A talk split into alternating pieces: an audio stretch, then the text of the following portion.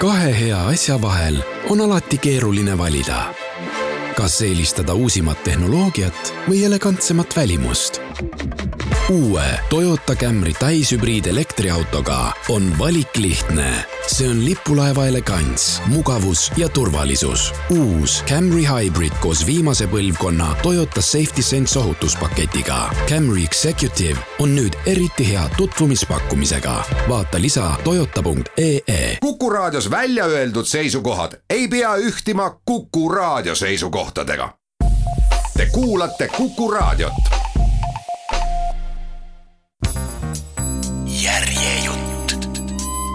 Stig Laasson, Sina maga, mina pesen nõud, tõlkinud Üle Vaaloe Loomingu Raamatukogult. järjejutt. Gertrud Stein on kusagil öelnud, et pole mingit mõtet armastada väikesi poisse. kui niikuinii on teada, et nad kavatsevad sirguda meesteks umbes samamoodi mõtlen mina, kui näen kaheksat läbipaistvat roosat vastsündinud hiirt. Pole mingit mõtet neid armastada, sest niikuinii kavatsevad nad sirguda täiskasvanud hiirteks ja närida asju, mis pole närimiseks mõeldud. igal juhul mitte hiirtele. ja nii ma lõingi nad külmavereliselt maha, ematud, nagu nad olid ema olin ma päev varem kätte saanud Norras valmistatud plastlõksuga, mis oli tehtud just hiirtel pea maha raiumiseks. sellega ei taha ma öelda, et Gertrud Steinil oleks olnud mõni efektiivselt tappev lõks väikestele poistele, aga kes teab. nojah, ema hiir, kes need kaheksa süütut hiirepoega sünnitas, valis nende ilmale toomiseks lihtsalt täiesti vale koha. nimelt minu punase kirjutusmasina, mille ma olin ettevaatamatult pööningutrepile jätnud. punane kirjutusmasin, nüüd juba väärtuse kaotanud, on olnud minu kaaslaseks üpris kaua. peale selle on mul üks väike tuhkrukarva reisikirjutusmasin, unustatud ja pööningutrepile pandud kirjutusmasin on ema hiirele suurepärane koht, kuhu mõne rohukõrre ja paberitupsu abil poegimiseks pesa ehitada. aga kirjutusmasin muutub kasutuks ja hiirepere peab karistuseks eluga hüvasti jätma. apokalüpsise punase kirjutusmasinaga on juba kord nii, et see, kes seda kasutab, on määratud kaotama rahu maa pealt. nii et me võime kõik üksteist maha nottida. inimesi ja hiiri, hiiri ja inimesi. see, kes on sunnitud tuhkrukarva kirjutusmasinat kasutama ja tunneb mingilgi määral piiblit, teab, et ta peab rääkima surmast. surmast suure S-iga. jätan lisamata umbes seda rääkisin ma oma matusekõnes, kui matsin hiirepojad kuivanud kirsipuu alla, mis oli suve esimeste nappide piksekärgatuste ajal välgule ette jäänud. emahiire olin ma lihtsalt minema visanud. kass leidis ta muidugi üles ja tassis ilma peata korjuse tuppa, et näidata, kui osav hiirepüüdja ta on. muide, tegemist on ema kassiga kes on tüütult seltsilembene ja läheb kohati oma vingumisega liiale. näuguda ta ei oska ja kui ta üritab seda teha, siis kõlab see nagu õlitamata ukse kriiksumine. tema viis poega, kelle ta puukuuris pappkasti silmale tõi, olin ma samuti sunnitud julmalt maha nottima. poegade isaks oli emakassi enda isa hirmunud ja räsitud hulkurkass. vahel ilmub ta välja. teda on hale vaadata ja ma annan talle süüa. siin põlvesilmavoorel on vähe maju, kus sees elatakse. aga nii nagu ma ei taha oma pööningule hiiri, ei taha ma ka puukuuri, kassifarmi seega pean olema veidi südametu. Aga ka südametusel on piir. loomasõbrad leiavad muidugi, et hulkurkassile vahel süüa andmisest ei piisa, et saaksin andeks vastsündinud hiirte tapmise või viie pimeda kassipoja külmaverelise mahanottimise. kuivõrd ma ei saa öelda, et tegemist oli ettekavatsemata mõrvaga. Liiga vähe teatakse kadunud talupoja ühiskonnast, mis minu põlvkonna üles kasvatas. aga selle võib inimestele andeks anda sest ega minagi taipa suurt midagi sellest, kuidas peaks suhtuma ühiskonda praegusel kahekümne esimese sajandi kolmandal aastal. ei suurtes ega väikestes asjades. nii mõneski mõttes on minust saanud võõras. Ja ma jään selleks seni, kuni kord sarkofaagis lõpetan. varem või hiljem, kes seda teab igal juhul neid viit kassipoega mattes ma mingit kõnet ei pidanud. siin põlvesilma voorel nimetatakse neid kiisideks. õigemini nimetati, siis kui veel murret räägiti. seda ma mäletan küll minu isa oli siitkandist pärit ja lapsena olin ma tihti siin ja õppisin maha nottima nii hiiri, kassipoegi kui ka vanu lösutajaid kanu. siis olid nad kõik veel elus, vanaisa ja vanaema ja sõtsed ja vanemad ja õed-vennad. nüüd pole neist enam kedagi. mina üksi olen veel elus. Maja, milles ma elan, pole kuigi suur, aga on punane nagu see on alati olnud. peaukse ees on klaasveranda. selle veranda pärast oleks isegi Rainer Maria Rilke mind kadestanud. ta on kirjutanud, et tahaks meeleldi endale klaasverandat, kus võiks korvtoolis istuda ja karvast koeranässi kõrva tagant sügada, ise samal ajal täis veendumust, et teab naistest kõike minu teada ta sellist verandat kunagi ei saanud. aga minul on see olemas. korvtooli ja koera mul küll pole, aga naistest tean ma siiski nii palju, kui pean passlikuks teada. aga samas olen ma ka kakskümmend viis aastat vanem, kui Rilke üldse elas sellest on nüüd nelikümmend aastat, kui ma Põlve-Silmavoore küla ääremaal metsaserval maja päranduseks sain. ja algul ma ei teadnud, mida sellega õieti peale hakata. aga kuna ma pärisin ka veidi raha, siis lasin ühel suvel sisse panna kõik tänapäevased mugavused, nagu elektrikütte ja muu sellise siis avastasin ühel päeval kümme aastat tagasi, et ma olen pensionil. ja siis kolisingi enam-vähem siia. algul vähem, siis üha enam. Stockholm oli minu jaoks kasvanud liiga suureks ja liiga inetuks. Aga oma sealse väikese korteri jätsin ma alles. ma arvasin, et hakkangi metsa ja suurlinna vahet pendeldama, et mulle on seda vaja mets vaikuse ja üksinduse jaoks ning suur linn intelligentsete kõrtsivestluste jaoks mõne õlle juures.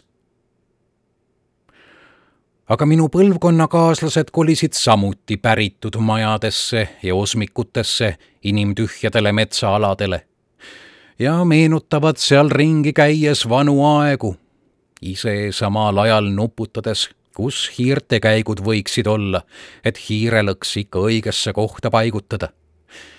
ning võib-olla on ka paljudel neist klaasveranda, kus nad istuvad nagisevas korvtoolis ja põrnitsevad ära hellitatud kassi, kes ilmselt on pojad saanud ja nüüd on neil tähtis teada saada, kuhu kass on nad peitnud ja meelelahutuseks ei mõtle nad niivõrd sellest, mida kõike nad naistest teavad, vaid just sellest, kuhu kõik need naised on jäänud või juurdlevad nad selle üle, kust võtta jõudu, et autot pesta.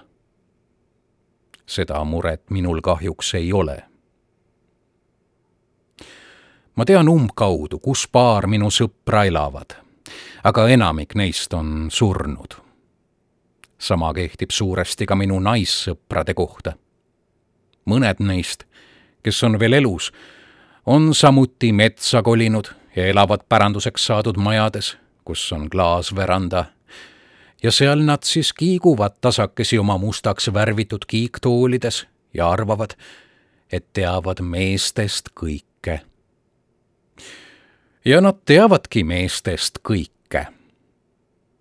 Ja mina oma klaasverandal küsin, nagu Rilke küsis Marina Tsvetajevalt, kuidas näeb välja see tuba kus me kunagi kohtume. Nad ei kohtunud iialgi. aga umbes sama küsimuse esitasin ma kassipoegadele, kui olin nad maha nottinud. kuidas näeb välja see taevas, kus me kunagi kohtume? me ei kohtu iial. nii lihtne see ongi ma saan väita vaid seda, et üksindus ja vaikus siin metsarohke kihelkonna ääremail on vahel üpris väsitav. aga viimati Stockholmis olles olin ma niisama üksik või tundsin end niisama üksikuna, vaatamata kõrtsi suminale. ma küll kuulasin seda, aga ei võtnud sellest osa. käisin ühes õllesaalis selle tänava lähedal, kus on minu korter sinna jõudmiseks pean ma ületama tiheda liiklusega tänava. ootasin siis ülekäiguraja ääres rohelist tuld ja üks naine hurjutas mind, sest ma suitsetasin. Ma olin sedavõrd jahmunud, et mul ei tulnud pähegi teda põrgusse saata. see, et ta mind hurjutas, ei teinud mulle tuhkagi. mind jahmatas see, et keegi üldse minuga rääkima hakkas meie tänapäeva ühiskonnas pole sünnis suitsetada ei õues ega toas. selle asemel tuleb süüa aedvilju või ära õuna. Vanasti anti üks niisugune õun jõuluõhtul. ülejäänud aasta jooksul võisid aga suitsetada nii palju, kui tahtsid või endale lubada võisid. isegi selles suures õllesaalis, suures isegi Stockholmi kohta oli vaid mõni üksik laud suitsetajale reserveeritud. meid oli vähe, kes me nende laudade taga istusime. kaks-kolm naist ja mõned mehed. Kõik olid minuvanused ja küllap nägime kõik välja, nagu oleksime mõnest vanade kodust jalga lasknud. ülejäänud nooremate külaliste silmis olime kõige vanemad kogu maamuna peal ja nii me ka ilmselt end tundsime. hallipäised, kortsulised suitsutõmbajad. oli külm kevadtalvine nädal, kui ma Stockholmis olin. märtsi keskpaik. ja küllap just siis ema hiir minu punasesse kirjutusmasinasse oma pesa tegigi. ma tahan nii arvata. ja sellepärast ma nii arvangi igal juhul valis ta õige värvi, et mul oleks võimalik teda koos poegadega maha nottida. Miks ma kirjutusmasina pööningu trepile panin, seda ma õieti ei tea. ja ma ei tea, miks ma selle sinna vedelema jätsin, nagu oleks see armas mänguasi unustatud. unustama kipun ma küll aga see pole just eriti uus häda. võib-olla tõstsin ma selle sinna mõtlematult ja nii see siis ununeski. Ega mul pööningule kuigi tihti asja pole. ühesõnaga, kirjutusmasin on tuksis ja enam pole ainsatki kohta, kuhu rikkis kirjutusmasinat parandusse viia. aga nagu ma juba mainisin, on mul ka reisikirjutusmasin.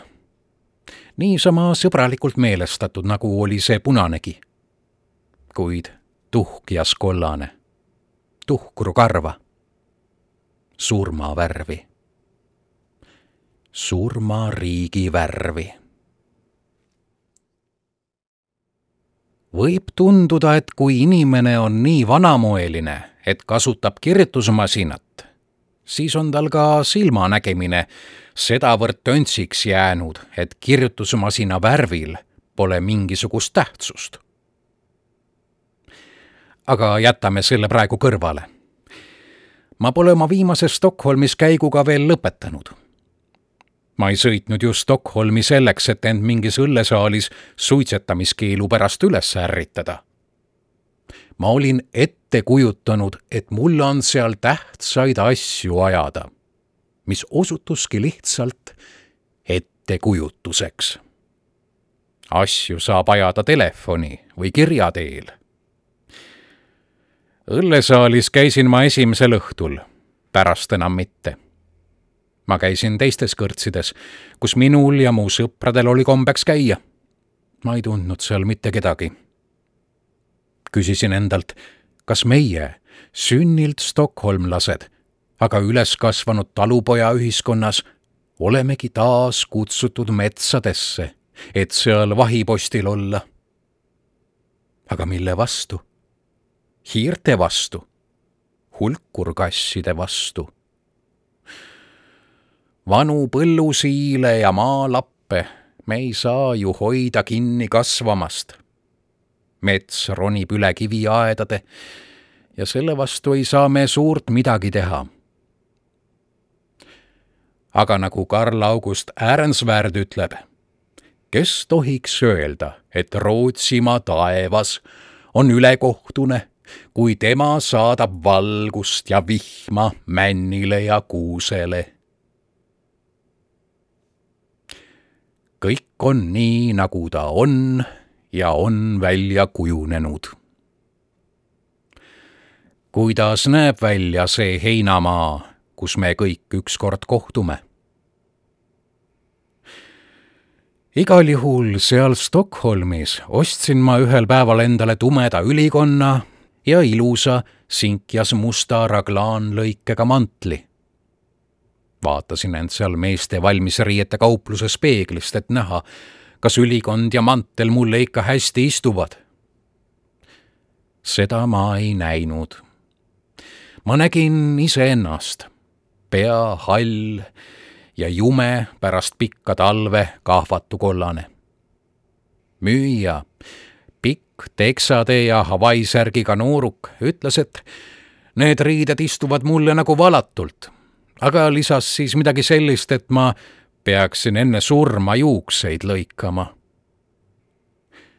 ta ütles seda nii, nagu oleks minu poolt ebaviisakas surra pikajuukselisena minu tuju läks sellest igal juhul heaks. ning naeratus näol ja ostukott käe otsas seadsin ma sammud juuksurisalongi poole, kus ma tavaliselt käin. see asub õllesaali kõrval, millest ma rääkisin. mõtlesin lasta mitte ainult juukseid lõigata, vaid ka habet ajada. minu juuksur polnud ükskõik kes tal oli selja taga kahekümne viie aastane juuksuritöö kogemus Chicagos. ta oli Rootsimaa viimane habemeajaja, kes oli võimeline habemenoaga habet ajama. Dagens Nyheter tegi mõne aasta eest selle kohta uuringu. tollal leidus Ümeost põhja pool vaid kaks juuksurit, kes ajasid habet habemenoaga. ja siis veel minu juuksur mõni neist seal teisel pool polaarjoont on ehk praegugi veel elus. aga Stockholmis on minu juuksur kindla peale ainuke, kes noaga habet ajab. Ja on väga meeldiv, kui sul noaga habet aetakse. väikeses juuksurisalongis oli kõik endine. aga minu juuksurit, kelle nimi oli Sven, seal ei olnud tema asemel oli seal üks üpris kena kehaga naine, kes pühkis pärast äsjase kliendi teenindamist põrandalt juukseid kokku. kus Sven on? küsisin mina. Haiglas, ütles tema. millal ta tagasi tuleb? küsisin mina. ta ei tule enam tagasi, ütles tema. ta osutas ühele kolmest juuksuritoolist ja andis mulle märku istet võtta, öeldes sinu juuksed vajavad lõikamist ja mina lõikan. ja mu juuksed said lõigatud ja pealegi hästi. Sel ajal, kui naine mu juukseid lõikas, vaatasin end peeglist ja leidsin, et kevadine jahedus oli mu põsed kergelt õhetama pannud. habet sa mul muidugi ei aja, ütlesin mina. ja selle peale ütles naine ei, aga lubas mul kasutada patareidel töötavat pardlit, kui ma tahan habemenoaga sa siis habet ei aja? küsisin mina. Ei, ütles tema. ma tean, et Sven oskas. mõned sisserändajatest juuksurid oskavad seda ajada küll, aga kuidas neil klientidega on, seda ma ei tea. praegu on moes ajamata habemega ringi käia. luba mul siis pardlit kasutada, ütlesin mina. juuksed on ju lõigatud ma ostsin äsja tumeda ülikonna ja mantli, sellepärast mul ka see suur kott. Müüja vihjas, et ma ei tohiks enne otsi anda, kui olen juukseid lõiganud. minu hõreda habemetüüka kohta ei lausunud ta sõnagi. ei kulunud kuigi palju aega, kui mul habe sai aetud niivõrd kui patareidel töötava pardli puhul üldse saab korralikult aetud habemest rääkida miks Sven siis ei tule? küsisin. Ma olen palju aastaid tema juures juukseid lõiganud ja habet ajanud. ma olen elanud siin lähedal nii kaua, kui mäletan. nüüd elan ma suurema osa ajast oma maamajas. sellest ajast saadik, kui pensionile jäin. umbes ma sõitsin Stockholmi vahet enamasti just selleks, et Sveni juures juukseid lõigata kui Sven tagasi ei tule, siis ehk tohiksin sõita siia sinu pärast. kui lihtsalt see kõlas. autoga võtab mul lennuväljale sõit alla tunni. umbes tunni aja pärast olen Arlanda lennujaamas ja sealt Stockholmi ja oma korterini jõudmine on juba käkitegu ja juuksur Svenini ja õllesaali suminani. Ma olen väitnud, et mul on naiste suhtes samasugune äratundmismeel nagu haigel kassil teatud rohukõrte suhtes. ma küsin naiselt, kes mu juukseid lõikas, mis ta nimi on. tema nimi oli Katariina, aga ta tahtis, et ma kutsuksin teda Kitiks Kiti, ütlesin ma siis, lähme korraks õllesaali. Pane oma salong kinni. õllesaal on praegu tühi. Kiti ütles muiates ei. siis ta kahetses, et oli muianud ja süütas sigareti. paistis, et ta kahetses nii oma ei-d kui ka muiet miks sa endale mantli ostsid, küsis ta. kas sa kevadesse ei usu? Ma ostsin tumeda ülikonna, ütlesin mina, juhuks, kui ma peaksin siit ilmast lahkuma. ja sellepärast lasin ma ka juukseid lõigata. nüüd ma võin minna. mantlit ei saanud ma ostmata jätta. see on raglaanlõikega. tähendab, käised on pikendatud kaelaääriseni ma olen kaua aega niisugust otsinud.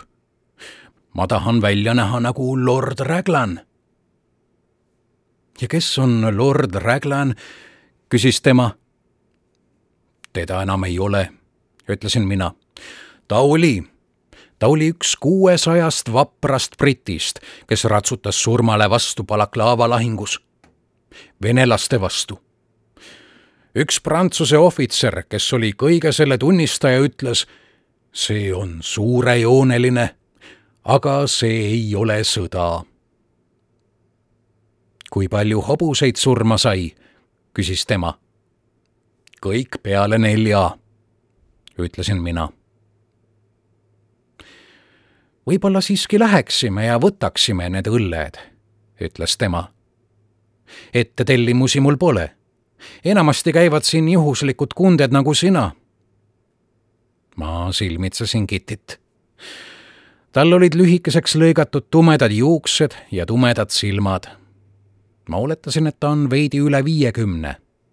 suu oli ta veidi liiga punaseks võõbanud.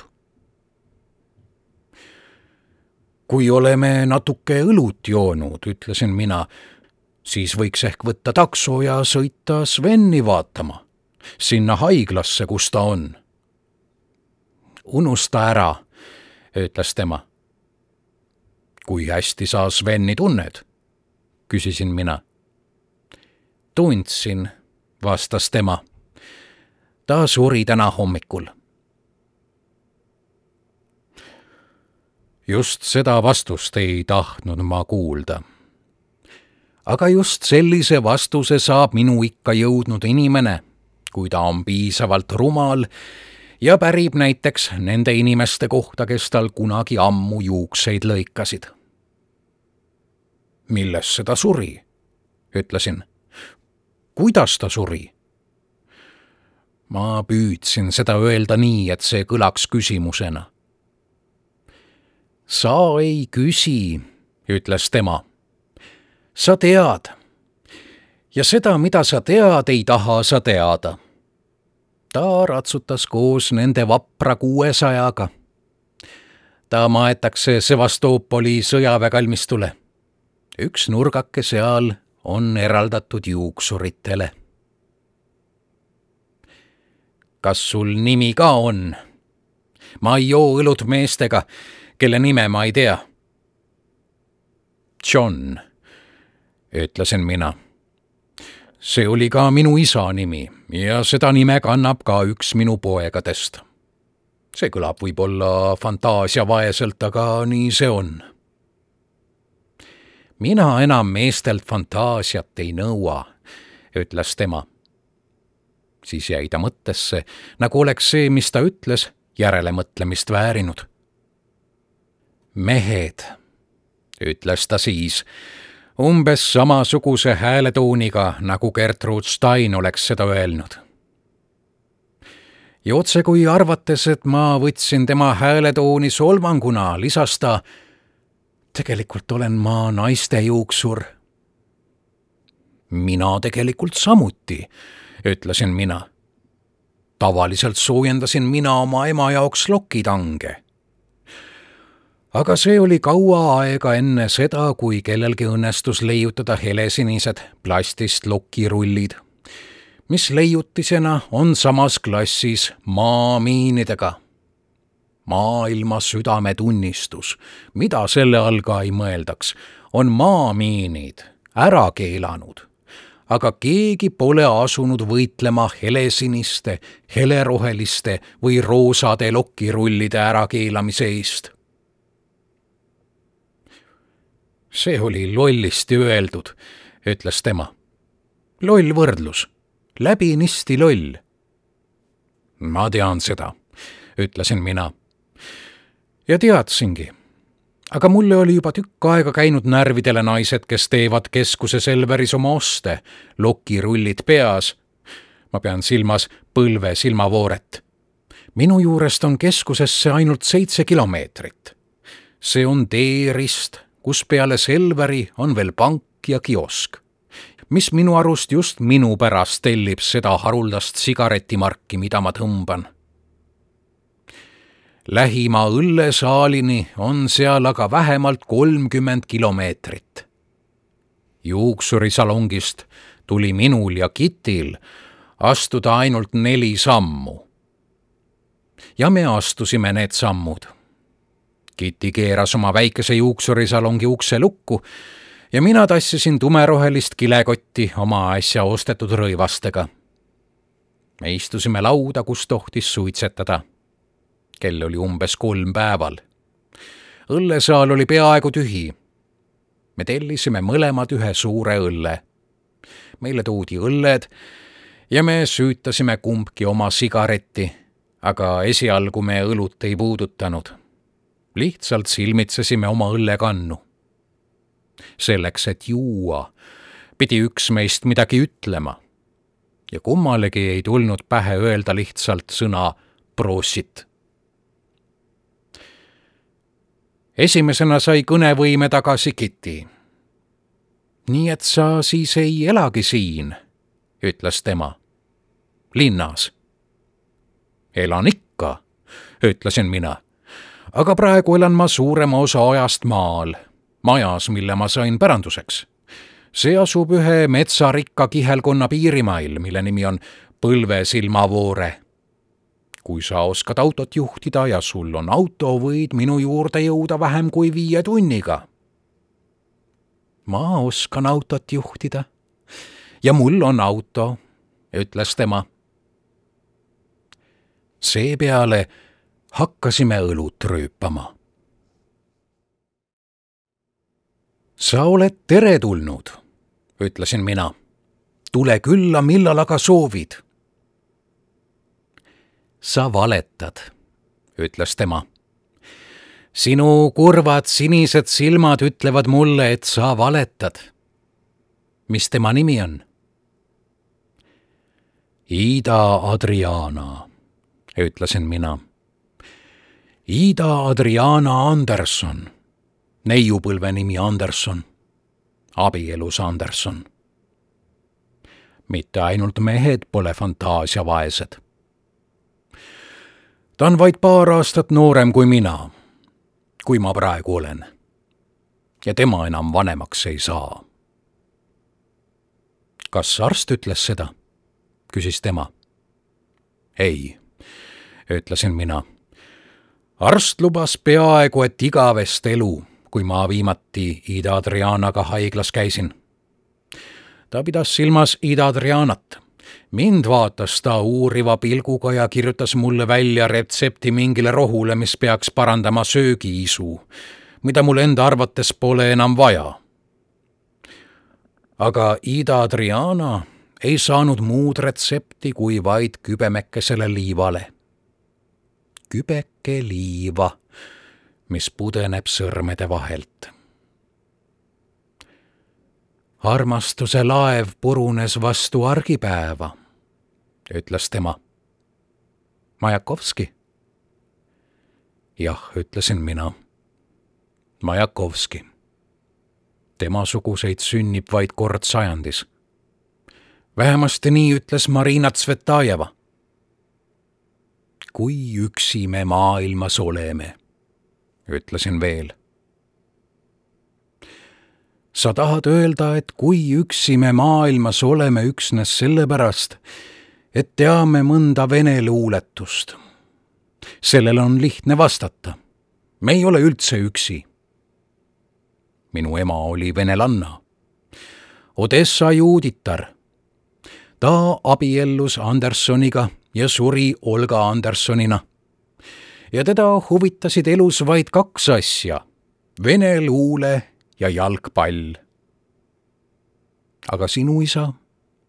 küsisin mina. jalgpall ja Fröding, vastas tema. millal sa oma suvemajja tagasi sõidad? või kui seda veidi sõbralikumalt öelda, millal sa jälle juukseid lõikama tuled ma lendan tagasi ülehomme.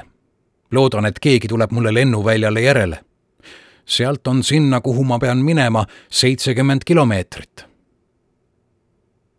kes mind siis lennuväljale sõidutas, kui ma Arlandasse pidin lendama, ma ei mäleta. kas riskime teha veel ühe õlle? muidugi riskime, ütles tema ma astun homme läbi ja laenan sinu pardlit ütlesin mina. ei, ei saa astu, ütles tema. Tellisime mõlemad veel ühe õlle, mida kumbki meist ei kavatsenud põhjani juua. millal sinu lennuk ülehomme väljub, lord Raglan? kella viie paiku, ütlesin mina.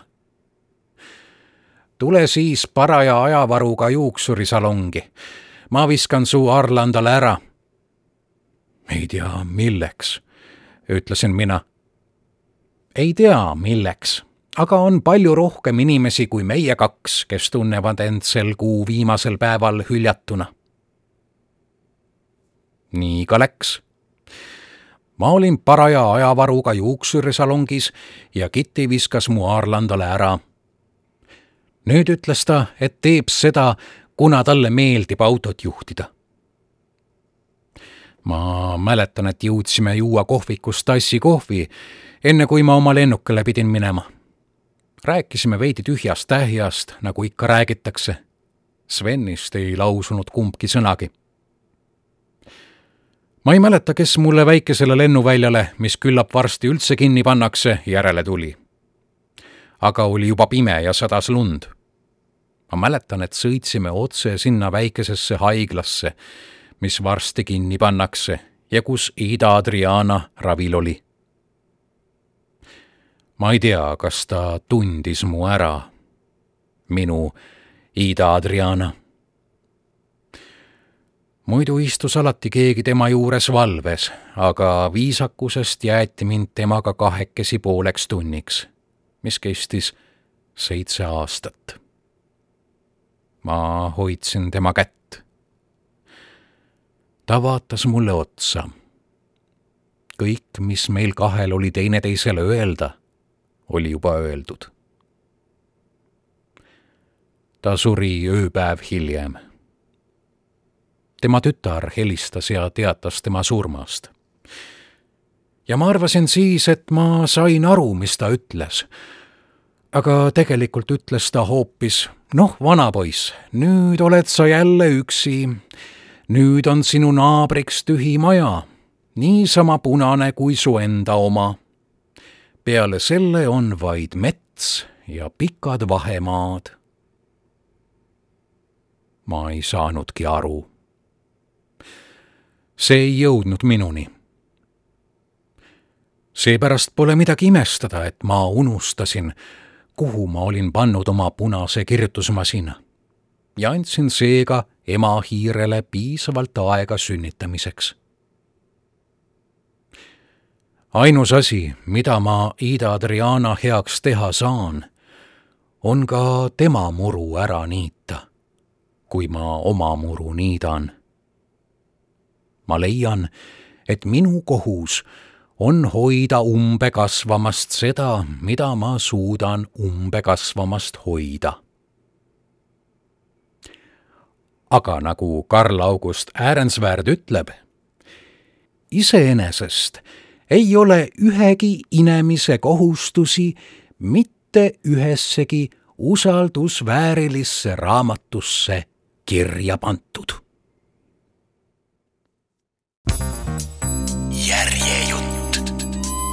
Stig Laesson, Sina maga, mina pesen nõud, tõlkinud Üle Vaaloe Loomingu Raamatukogult. järjejutt